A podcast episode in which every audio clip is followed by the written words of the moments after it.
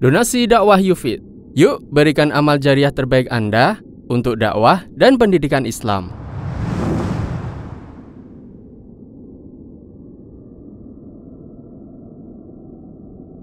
Bismillahirrahmanirrahim. Assalamualaikum warahmatullahi wabarakatuh.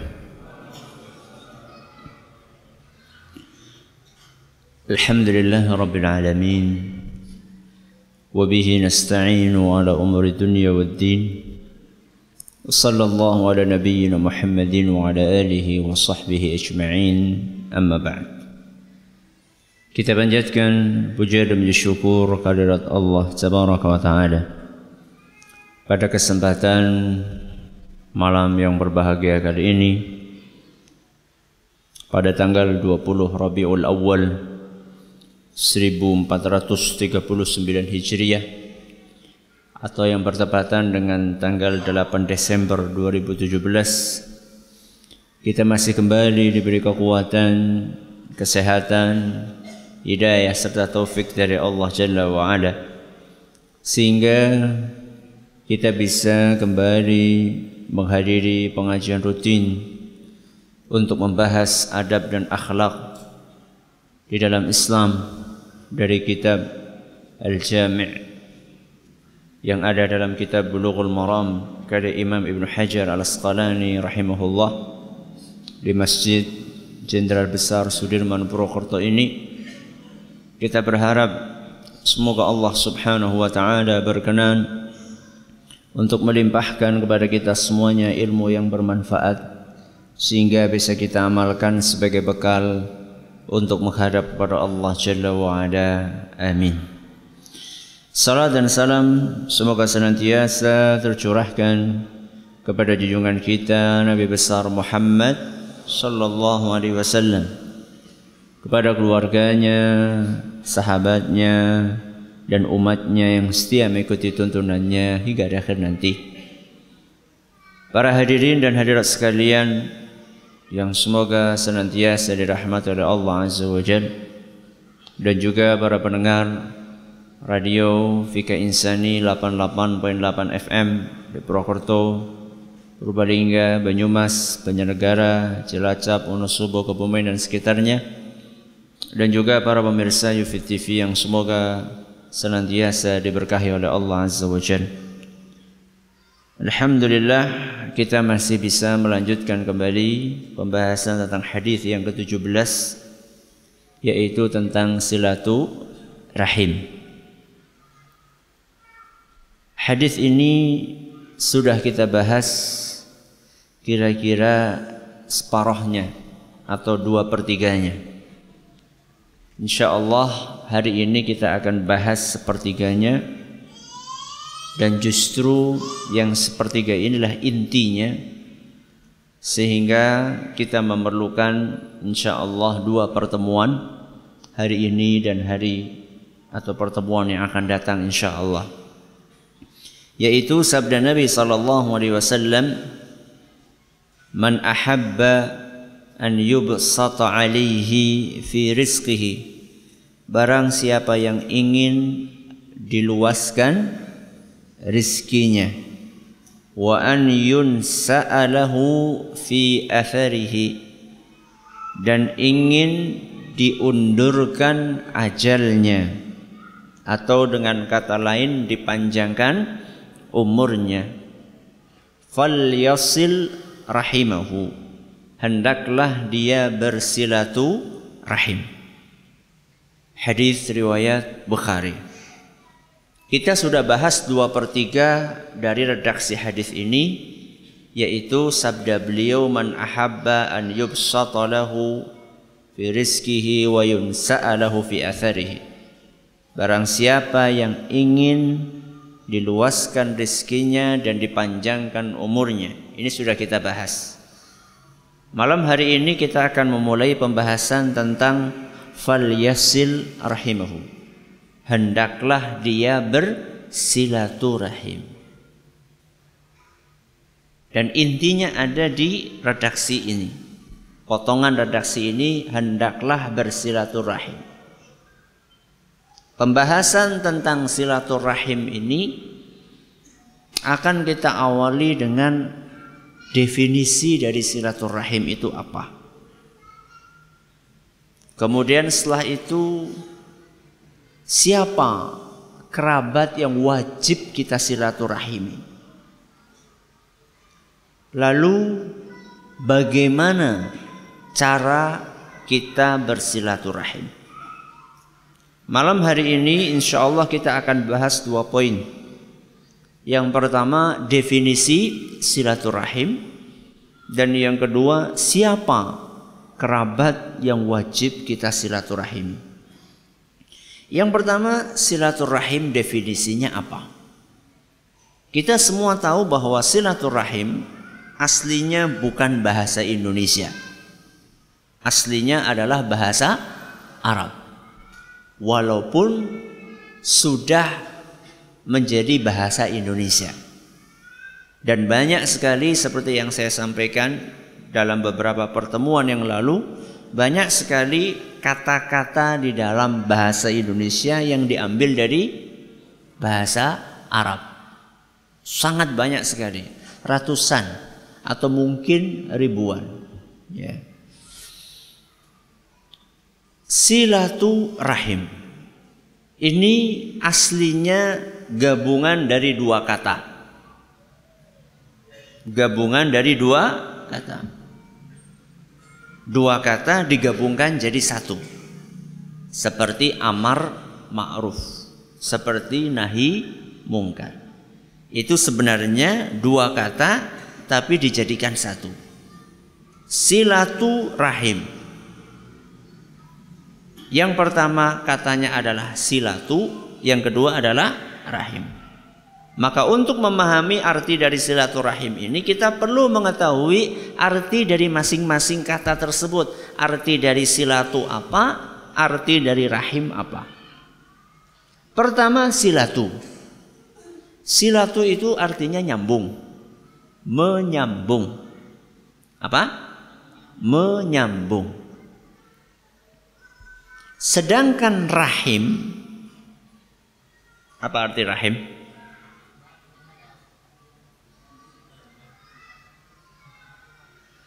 Kasih sayang? Bukan. Rahim rahim. Tempat lahirnya bayi. Rahim. Ya. Rahim wanita. menyambung rahim wanita si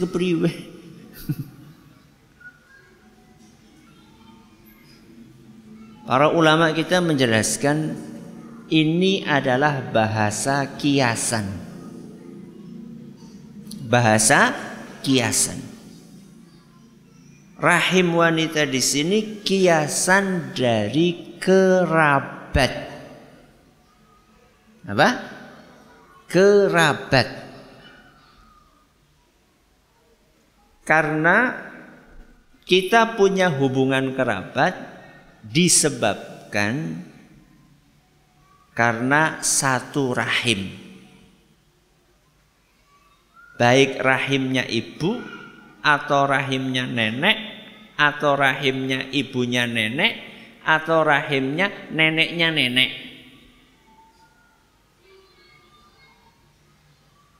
Jadi silatu rahim. Apa silatu tadi?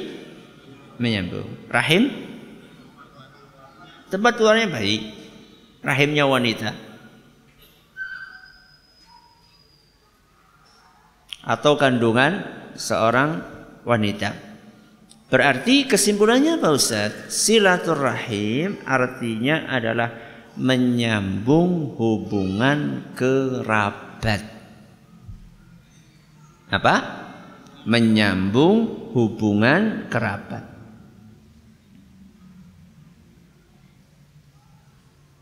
Dari sini kita mengetahui kekeliruan penggunaan istilah silaturahim oleh sebagian kalangan. Contoh, acara RW, acara kantor, acara sekolahan. Judulnya apa? Silaturahim. Itu sebuah kekeliruan. Kecuali nek satu RW kerabat semua. Kecuali nek satu kantor kerabat semua. Berarti ini perusahaan keluarga.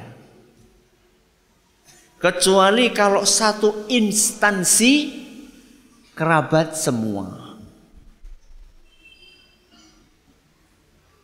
Terus pakai istilah apa? Ya terserah. Kumpulan, RT-an, apa maning? Itu juga istilah yang kurang pas. Atau perkumpulan. Ya. Kecuali kalau misalnya itu paguyuban keluarga, tidak masalah. Ya. Kan sekarang ada acara-acara keluarga ya, dan biasanya dibungkus dengan arisan, misalnya arisan keluarga dari bani siapa, keturunan bah siapa, itu jenengan istilahi dengan silaturahim no problem. Tapi acara kantor, acara apa lagi tadi? Sekolah, ya. Reuni angkatan sekian, ya. Itu kurang pas kalau diistilahkan dengan silaturahim. Karena silaturahim artinya adalah menyambung hubungan kerabat.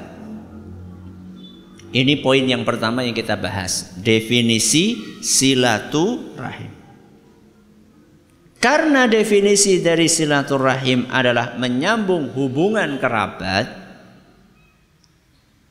maka pertanyaan berikutnya, kerabat yang dimaksud itu siapa? yang dimaksud dengan kerabat yang wajib kita silaturahimi ini siapa? Dan ini penting. Kenapa Ustaz? Karena kita tahu bahwa silaturahim ini hukumnya wajib. Secara umum, secara global, silaturahim ini hukumnya wajib.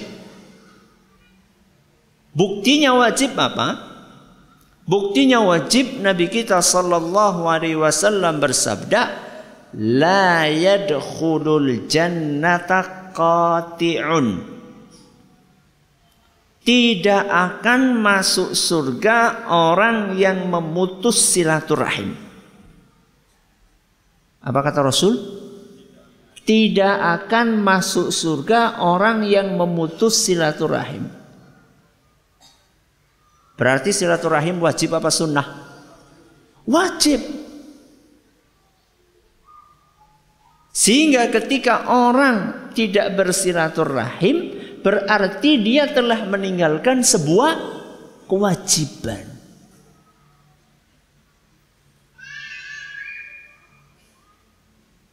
Dan levelnya bukan dosa kecil. Tapi levelnya dosa besar. Sehingga Nabi SAW memberikan ancaman orang yang memutus silaturahim tidak masuk surga. Walaupun sholat, walaupun sholat. Walaupun haji, walaupun haji pingko pangkaping. Wah, jebule medeni Ustaz. Makanya kita harus tahu Siapa yang dimaksud dengan kerabat itu? Yang kalau sampai kita tidak sambung kita gagal masuk gagal masuk surga. Para ulama kita menjelaskan bahwa kerabat itu tidak satu level. Ada kerabat dekat, ada kerabat jauh. ada kerabat dekat sekali.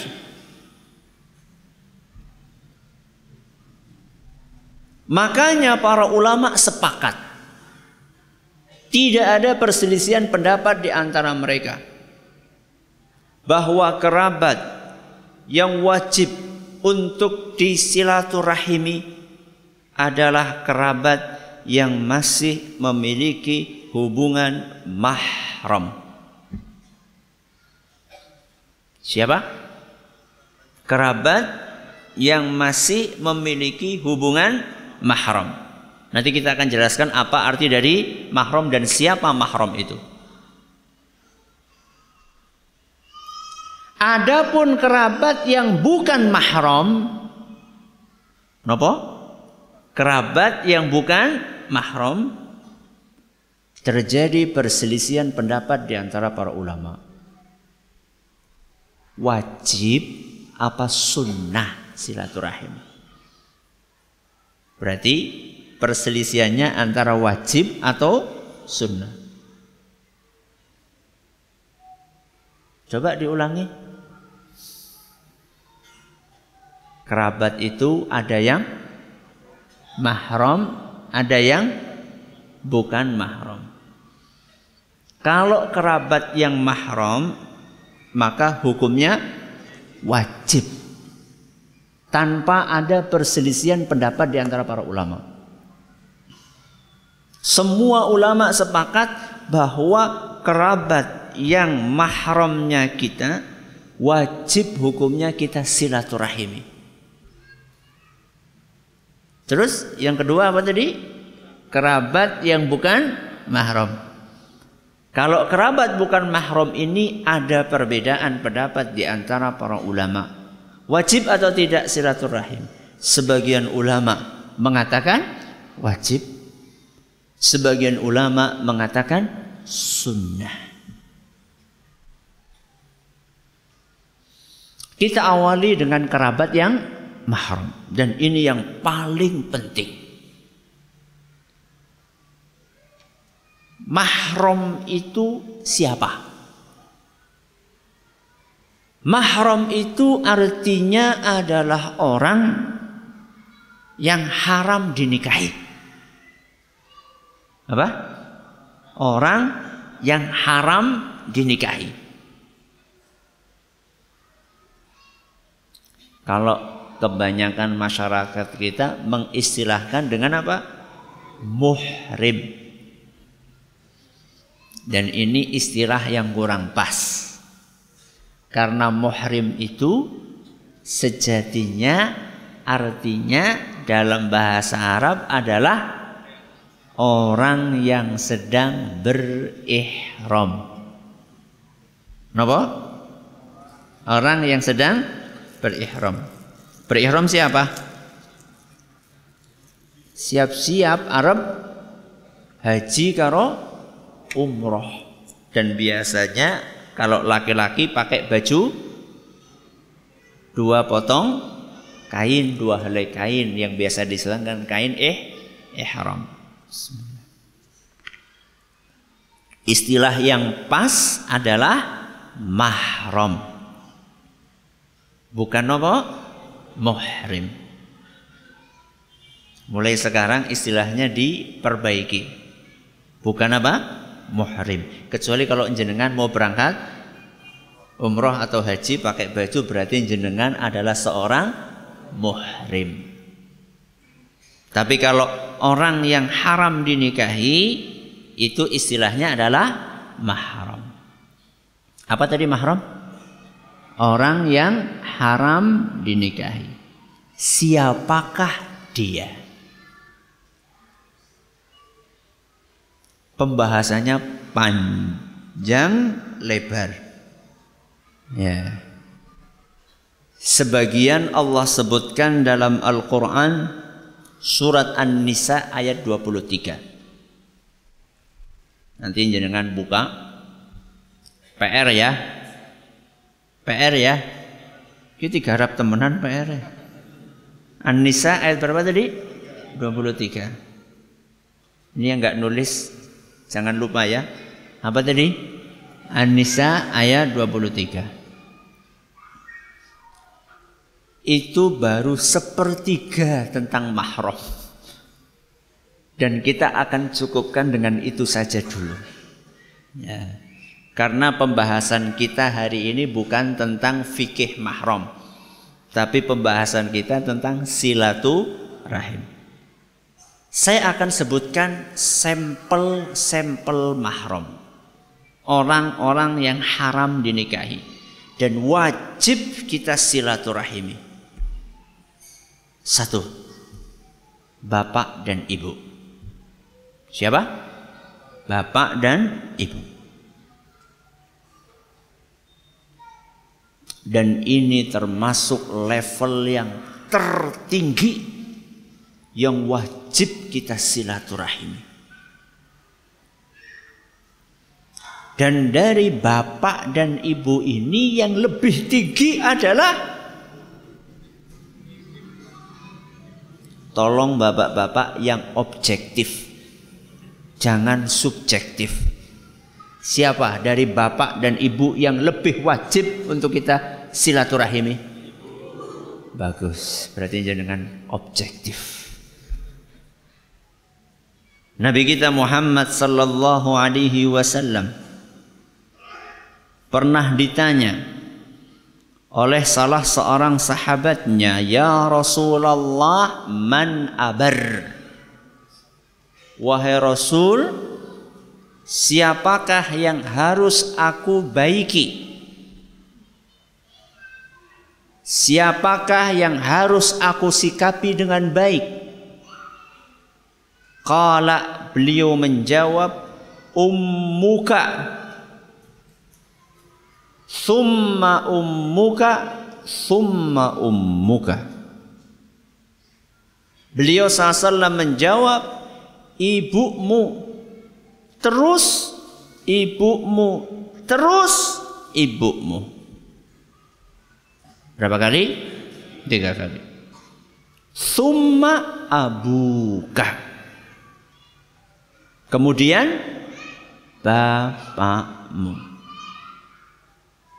ibumu, ibumu, ibumu, terus bapakmu. Summal akrab fal akrab. Setelah itu kemudian kerabat terdekat dan kerabat terdekat. Jadi semakin dekat semakin wa wajib. Hadis riwayat Abu Dawud dan dinyatakan hasan oleh Syekh Al-Albani. Siapa? Bapak dan ibu.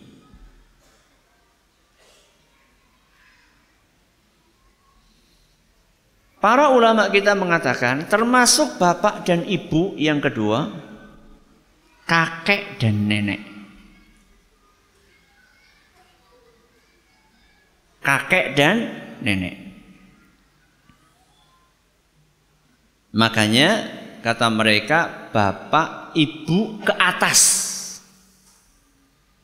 Bapak ibu ke atas maksudnya gimana? Ya tadi kakek nenek. Kakek neneknya siapa? Bapak atau ibu? Dua-duanya.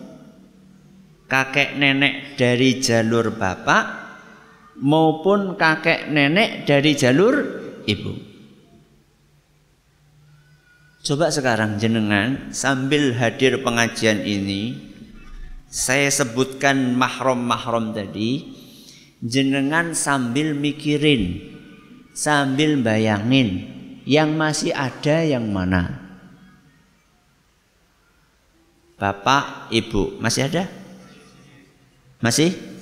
Ya yang masih masih yang sudah nggak ada nggak ada. Kakek nenek masih ada? Hah? Ya, ada yang tidak, ada yang masih. Sejauh mana jenengan silaturahim dengan satu dan yang dua tadi sudah saya sebutkan. Kakek neneknya bapak atau kakek neneknya ibu. Sudah berapa ini? Dua. Yang ketiga,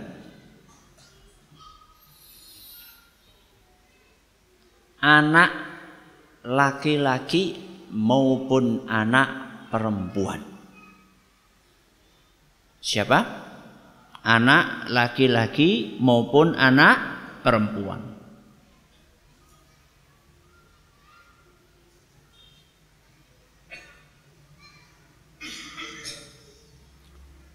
Dan ini saya kadang-kadang ini koreksi buat saya pribadi dan mungkin jamaah juga e, merasakan. Kalau ada anak tamu, tamu datang, bawa siapa? Anak. Kemudian anak tamu itu mainan sampai mecahin gelas. Apa jenengan marahi? Jenengan marahi nggak?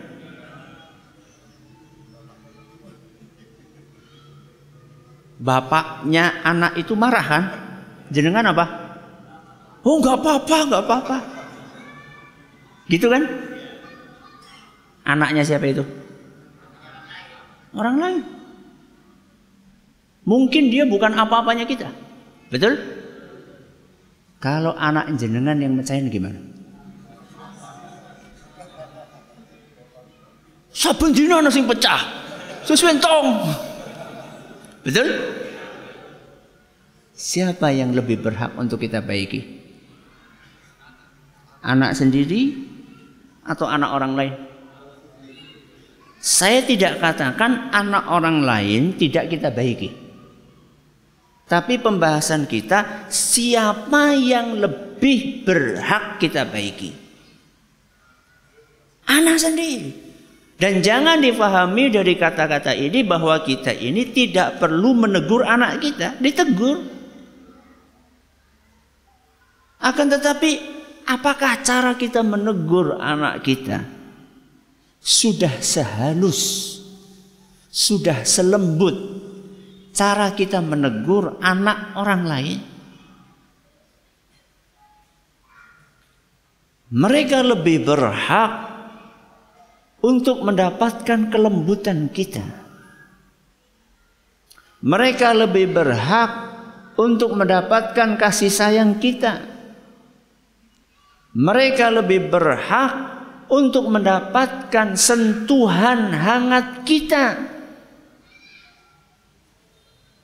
Mereka lebih berhak untuk mendapatkan sambutan kita manakala mereka datang.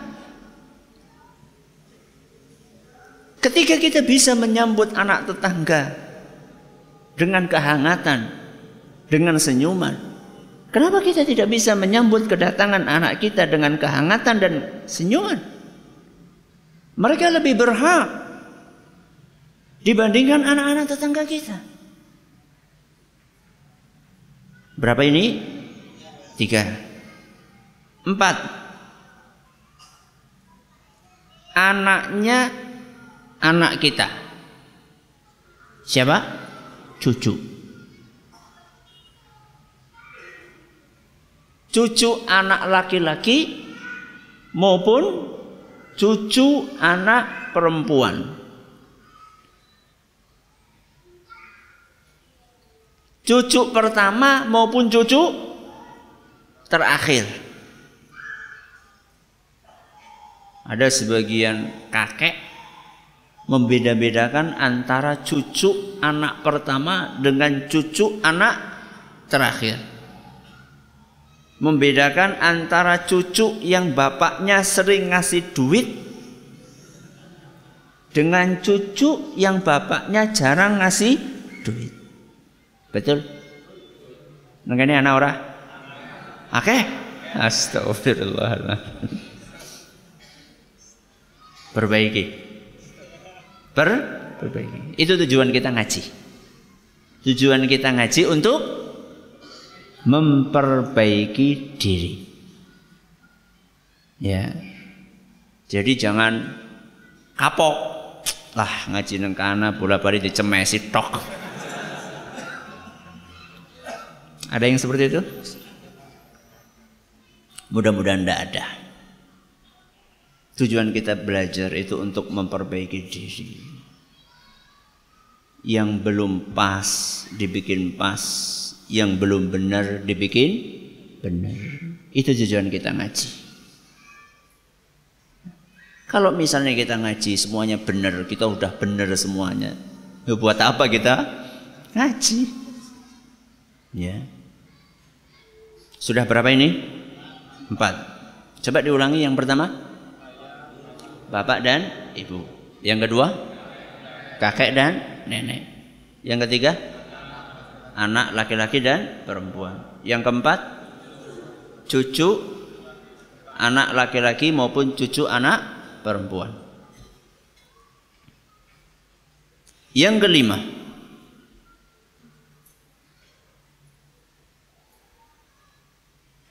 kakak dan adik. Siapa? Kakak dan adik.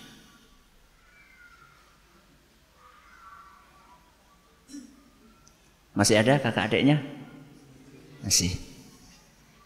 Bersyukurlah yang kakak adiknya banyak. Aduh, jan tekor.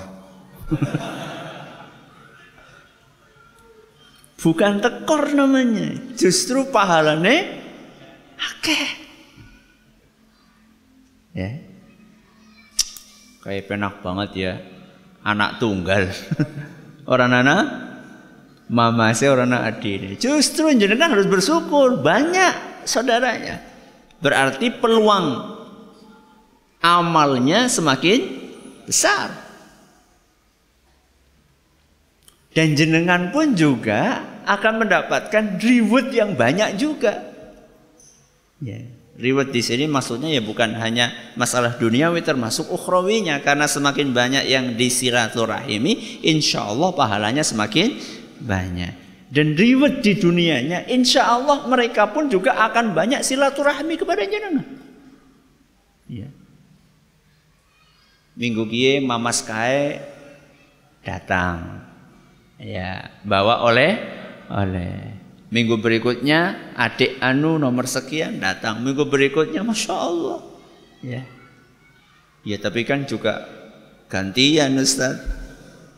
Ya sama pahala. Ya. ini yang keberapa? Lima. Kakak dan adik. Yang keenam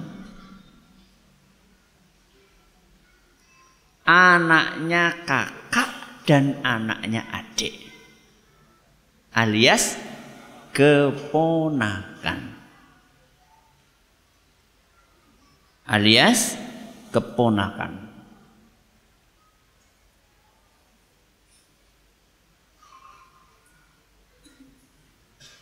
dan ini insya Allah banyak apalagi yang kakak adiknya banyak misalnya nih ya masing-masing punya target minimal anaknya lima misalnya.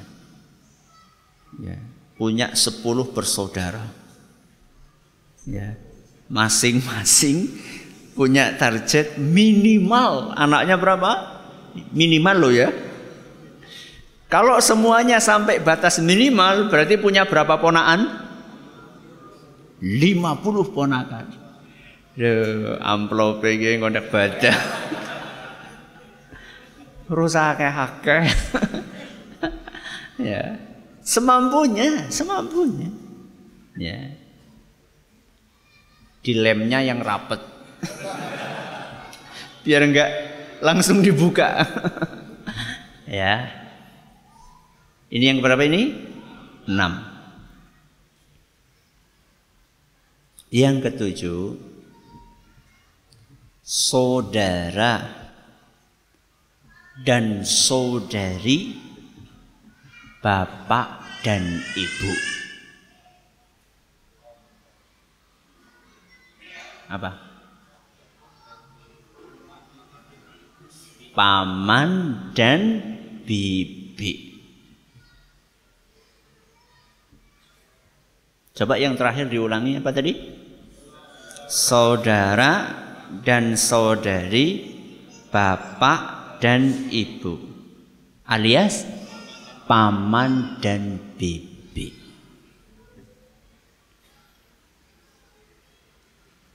Masih ada? Jenengan masih punya paman bibi? Masih. Kalau istilah kita Pak D, Bude, Pak Le, Bule. Rasulullah sallallahu alaihi wasallam bersabda dalam sebuah hadis yang diriwayatkan oleh Imam Bukhari dan Muslim maaf oleh Imam Bukhari al khalatu bimanzilatil um saudara maaf saudarinya ibu seperti ibu. Apa? Saudarinya ibu seperti ibu. Maka jenengan yang ibunya sudah meninggal dunia dan pengen tetap berbakti kepada ibu jenengan Selain mendoakan ibu, bersedekah atas nama ibu, ya. Solusi berikutnya adalah menyambung silaturahim terutama dengan saudarinya ibu. Entah itu bude atau bule.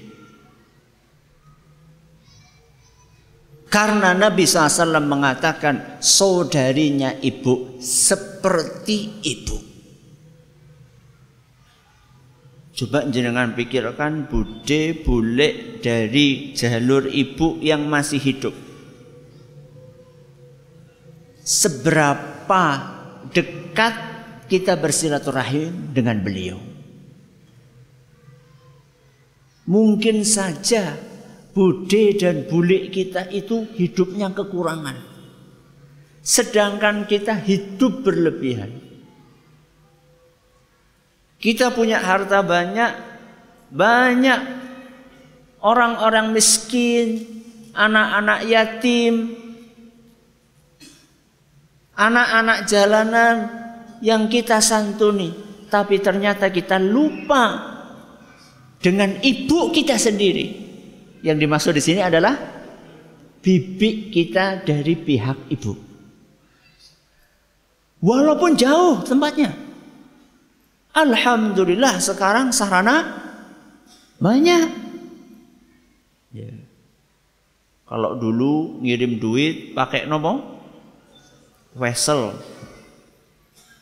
Wesel pos. Kapan nyampe nya? Tergantung jaraknya. Ada yang tiga hari, ada yang seminggu. Sekarang real time. Hari ini, detik ini, ya bukan detik inilah. Menit ini kita transfer, menit itu juga sampai. Ustadz, bibi saya nggak punya ATM Ustadz. Bikinkan. Ya, karo isine sisan. Curhat medok.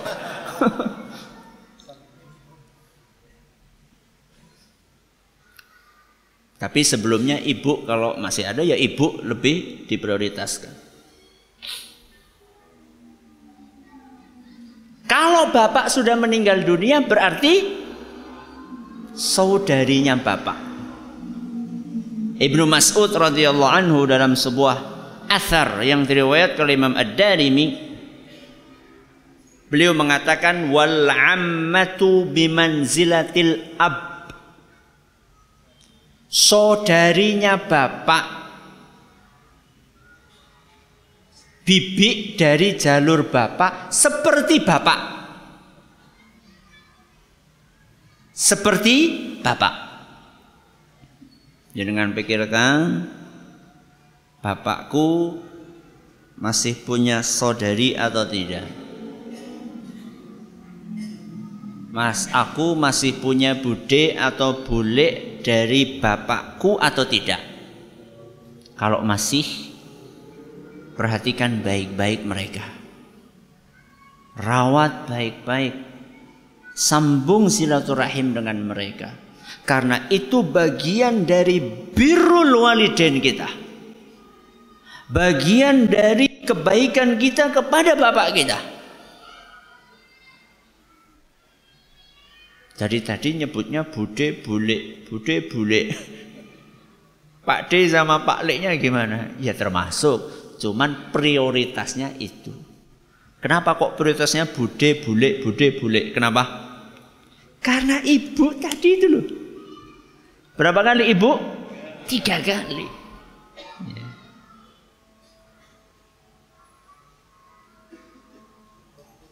Belum?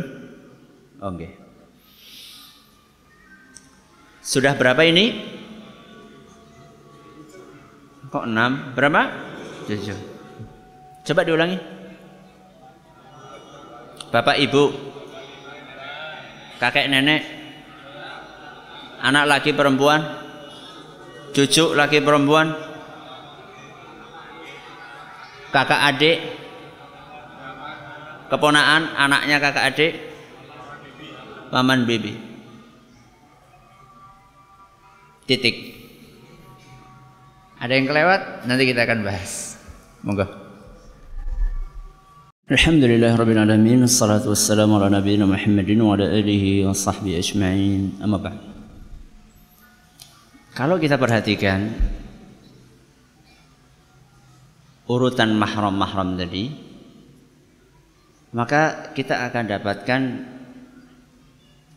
Bahwa anak kemudian anaknya anak itu adalah mah mahram. Kakak kemudian anaknya kakak juga mahram paman mahram mahram anaknya paman ini tadi kan nggak disebutkan alias saudara sepupu. Mahram atau bukan? Mahram atau bukan? Bukan mahram. Anaknya paman. Dalilnya apa Ustaz? Dalilnya karena boleh dinikahi. Makanya bukan mahram. Tadi mahram apa? Orang yang haram dinikahi. Anaknya paman alias sepupu itu halal untuk dinikahi. Dalilnya surat Al-Ahzab ayat 50. Surat apa? Al-Ahzab ayat 50. Di dalam ayat tersebut Allah Subhanahu wa taala sedang menjelaskan wanita-wanita yang halal dinikahi siapa saja. Di antaranya Allah berfirman wa banati ammika wa banati ammatika di antara wanita yang boleh engkau nikahi putrinya pamanmu dari bapakmu. Dari jalur bapak. Kemudian putri bibimu dari jalur bapak. Terus wabanati khalika wabanati khalatika Kemudian yang boleh engkau nikahi juga putrinya pamanmu dari jalur ibu dan putrinya bibimu dari jalur ibu. Ini semuanya halal untuk dinikahi. Berarti kalau halal dinikahi mereka bukan mahram.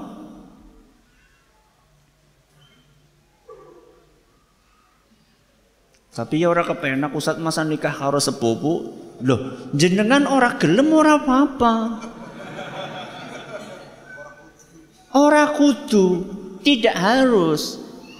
Kita akan bahas halal boleh. Bukan bukan wajib. Siapa yang bilang wajib? Enggak ada yang bilang wajib. Kalau menurut sebagian komunitas eman-eman temen wong turure dewek kayak wong liya. Aku wis paham betul. iya kan? Kalau masalah paham tidak paham kan kita lebih paham tentang saudara kita kan? Ya, secara umum kita lebih paham karakter saudara kita dibandingkan orang lain. Akan tetapi di, di, di kalangan kita, kebanyakan kita itu kita masih agak gimana loh? Kok nikah sama sepupu ya? Kok nikah sama sepupu? Halal berdasarkan firman Allah dalam Al-Qur'an. Berarti sepupu itu bukan mahram. Maka konsekuensinya, apakah wajib sepupu itu kita silaturahimi?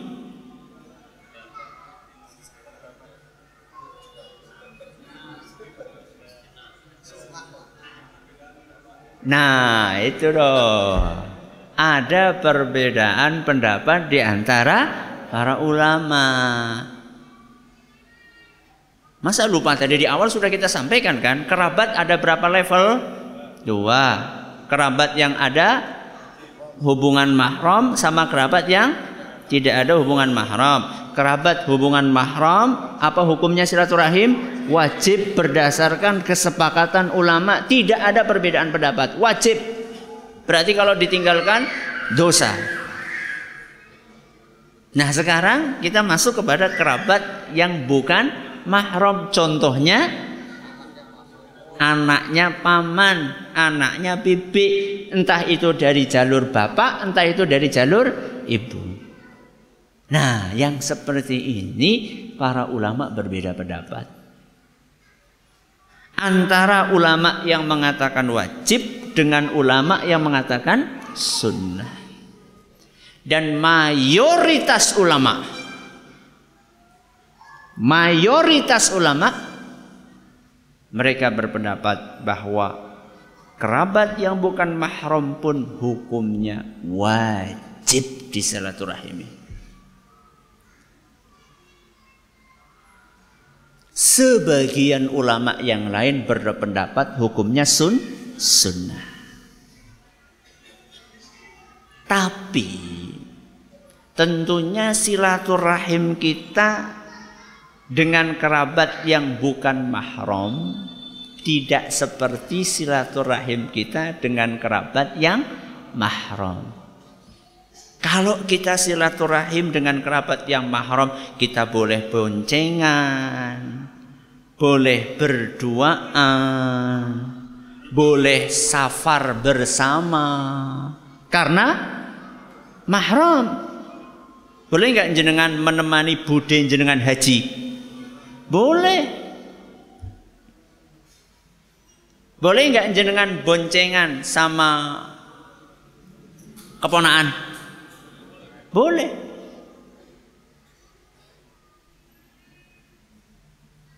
dan tidak boleh jenengan berduaan dengan sepupu. Loh kok berduaan kan ini sedang silaturahim. Wah, gawat darurat ini.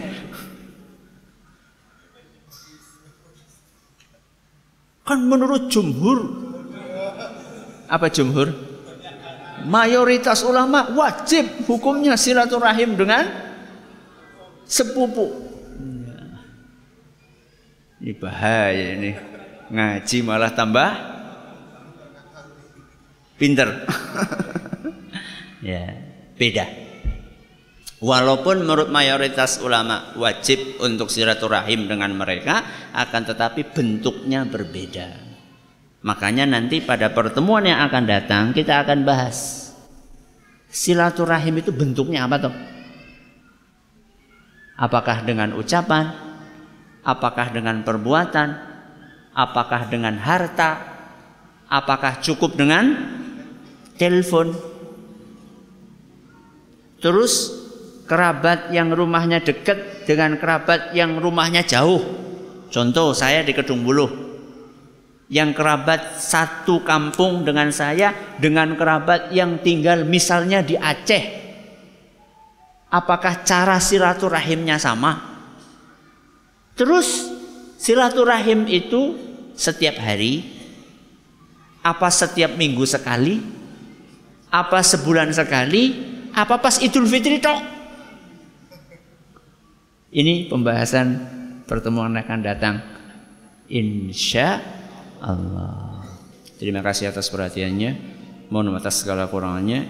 Kita tutup dengan membaca Subhanakallahumma bihamdika asyhadu an la ilaha illa anta astaghfiruka wa atubu ilaik. Assalamualaikum warahmatullahi wabarakatuh. Donasi dakwah Yufid.